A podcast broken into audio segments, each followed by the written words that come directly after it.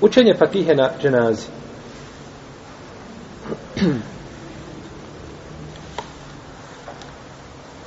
Isto tako, imamo šta?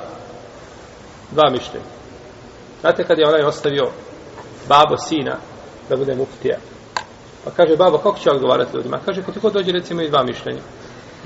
Pa odgovaraju, kako pa dođe, ima dva mišljenja. Pa mu došao jedan, kaže, a kaže, u vjerovanju Allaha imali sumnje? Kaže, imaju dva mišljenja.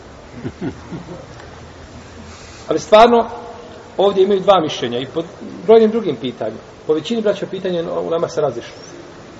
Naći ćete možda pi, pitanja na kojima se složili malo. Imate od Ibn Munzira, imate djelo Liđma. Ne spominje možda u njemu hiljadu mesijana na koji su nama složili. I naćete možda naći dvije, tri hiljade. A stotine hiljada možete mesijana napraviti u šarijetu. Imaju nama različite stavove, različite poglede. Zato znači, postoji nešto što zove terđi i određivanje ovaj, je li prioritetnijeg mišljenja na osnovu argumenata, ali se uvijek te mesele, znači moraju smatrati od mesela koji se šta ehlu sunnet razilazi. Hvala Bogu, ehlu sunnet se nije razišao po pitanju akajde. To je najbitnija stvar. A po pitanju fikha, tu je stvar elastičnija i da je uzvišen Allah htio, ne bi se ta razilaženja desila. Imamo dakle dva mišljenja. Prvo je da treba učiti Fatihu, to je stavi mama Šafije i Ahmeda Ishaka i Davuda ibn Hazma. I to se prenosi od ibn Abbasa i Ebu Umame, a njihovi dokazi su općenito sliječi poslanika sallallahu alaihi wa sallam sallallahu alaihi wa sallame la salata li menem jakra fatih kitab. Nema namaza onaj ko ne prouči Fatihu. Kažu ovo se odnosi kako na propisane tako i na dženazu namaz jer ulazi znači jer ulazi u namaz i od Ebu Mame se prenosi da je rekao sunnet je na dženazi da se prouči pri prvom tekbiru, da posle prvog tekbira majka knjige, to jeste to jeste potiha, tiho, u sebi. Potom da se donesu, donesu tri tekbira i da se preselam. I od Talhe ibn Abdillaha ibn Aufa se prenosi da je rekao, klanjao sam iza ibn Abbasa, pa je proučio na dženazi Fatihu. I rekao je da ljudi znaju da je ona sunnet. Da ljudi znaju da je ona sunnet. Čak se navodi u jednoj verziji da je proučio na glas. Iako se na dženazi uči po konsensu učenjaka u sebi, no međutim Ibn Abbas je proučio na glas šta da pouči ljude. Da pouči ljude. Tako kada bi čovjek neke stvari radio koje se inače čine tajno ili u sebi, kada bi ih uradio javno ili proučio na glas da se ljudi pouče ne smeta. Davanje sedake je tajno bolje nego javno, no međutim kada bi čovjek dao javnu sedaku pred ljudima da vide da druge postakne, ne, da, bi, da ih pouči ne smeta. Ili da ovaj pouči ljude u vremenu kada je dova primljena, pa da pred ljudima dovi namjerno ne smeta. Tako isto i da imam poslije farza prouči zikr koji je osnova da svaki klanjač uči u sebi i za sebe i da ga on prouči tihim, da ga on prouči naglas i da kaže ljudi spominjete ono Allah onako kao, kao što ga ja spominjem i kao što su čuli mene, ne smeta zbog poučavanja, ne smeta. Pa je ovdje Ibn Abbas proučio a, Fatihu naglas. Kaže šehol Islam Ibn Taymiye da je učenje Fatihe mustahab. Nije obaveza. Kod šehol Islama Ibn Taymiye učenje Fatihe mustahab. Drugo mišljenje je da, da na, na ženazi, da se ne uči Fatiha. Znači ne uči se na ženazi Fatiha, to je stav mama Ceurija, Lauzaija, Ebu Hanife, Manika i to je rekao Ibn Omar i Ubade Ibn Samit, kako se prenosi u verzijama od njih. I oni dokazuju to narednim argumentima. Možete li prati ovako, ćemo sporiti. Ha? Ne možete prati, recite sporije ćemo govoriti.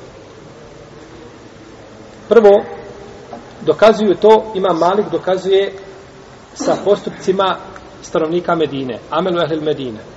To je kod njega validan izvor šerijata. Kod Ebu Hanife i Šafije i Ahmeda to nije validan izvor šerijata. Šta? Postupci stanovnika Medine. Imam Malik daje prednost postupcima stanovnika Medine nad pojedinačnim hadisima. U redu. Imamo hadis jedan koji kaže ovako. A postupci Medine govore drugačije, odnosno stanovnika Medine govore drugačije. Ima Malik daje čemu prednost? Postupcima. Zašto? Kako je to ima Malik mogao dati prednost postupku ljudi nad onim što je prenešeno od poslanika sa osaleme jer je putem? Zato što ljudi više vidjeli, vidjeli su možda te postupke. vidjeli Tako je. očima. Znači, ono što se ima Malik je bio generacija treća. Imate ashabe, imate tabi tabi, imate tabijine i imam Malik je bio tabi tabi. Jer on je prenosio od Nafija, Nafija prenosio od Ibn Omara. Pa je on blizu poslanika, sa osaname, po, po, znači, ovaj, vremenski. Pa kaže, postupak stanovnika Medine se je prenosio sa generacije na generaciju sa mutevatirom. Je tako? Cijelo jedno društvo prenosi te postupke. Dok hadis koji je došao pojedinačno, može u njemu šta biti? Može biti greška. Može biti greška da je ravija pogrešio, pa lakše pogreši jedan čovjek nego šta? Cijela generacija ljudi, je tako? Pa ima Malik to uzimao kao argument. No, međutim, ispravno je e, stav e, druge trojice imama, da to nije validan argument. To nije validan argument. Ako se potvrdi vjerostojnost hadisa poslanika, sa osaname, mora se raditi, znači, po tome, po tome dokazu. Dalje,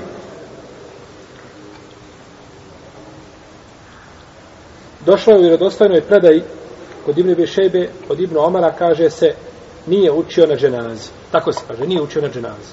Ništa se drugo ne spominje.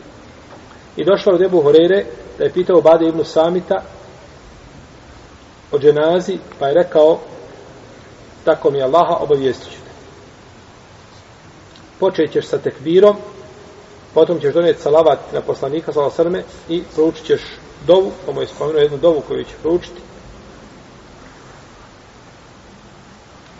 Potom ćeš jeli, e, do, do kraja dove što, što, što ga je poučio. Pa nije spomenuo šta ovdje učenje Fatihe. No, međutim, spominjanje učenja Fatihe ne znači da je nema. Nije rekao, on nije negirao učenje Fatihe. Isto tako Ibn Omar nije učio. Može li biti da nije učio mimo Fatihe? Može. Može se odnositi da nije učio mimo Fatihe. Znači nije jasan. Nije jasan ovaj dokaz. Tako da je ispravnije mišljenje da treba učiti Fatihu. Da li je obavezno da se uči, to je pitanje možda koje je podložno raspravi. Da li je obavezno? Ali je ispravno da treba učiti, jer Ibn Abbas je rekao da je to šta? Sunnet. I Ebu Mame kaže da je sunnet. A kada Ashab kaže da je nešto sunnet, to se odnosi na sunnet poslanika, sallallahu alaihi wa sallam. Pa je ispravno da se Fatiha uči. Ko uz Fatihu doda kratku suru, neće smetiti. Jer se prenosi od predaj da je Ibn Abbas dodao kratku suru. I kaže Ibn Munzir u svome dijelu, eh, uh, Elausad, ko doda kratku suru, ne smije. Ako ostavi, isto tako ne smije. Znači učenje sure, ako se doda, doda, ako ima vremena, ako nema, i to kratka sura. Duže učenje na dženazi je pogrešno. Znači da se dugo dženaza klanja, to je pogrešno. Dženaza se klanja što kraće da se požuri šta sa mejtom. Zato su neki učenci kazao, nema nikako, nema opće fatihe, nema učenja Kur'ana.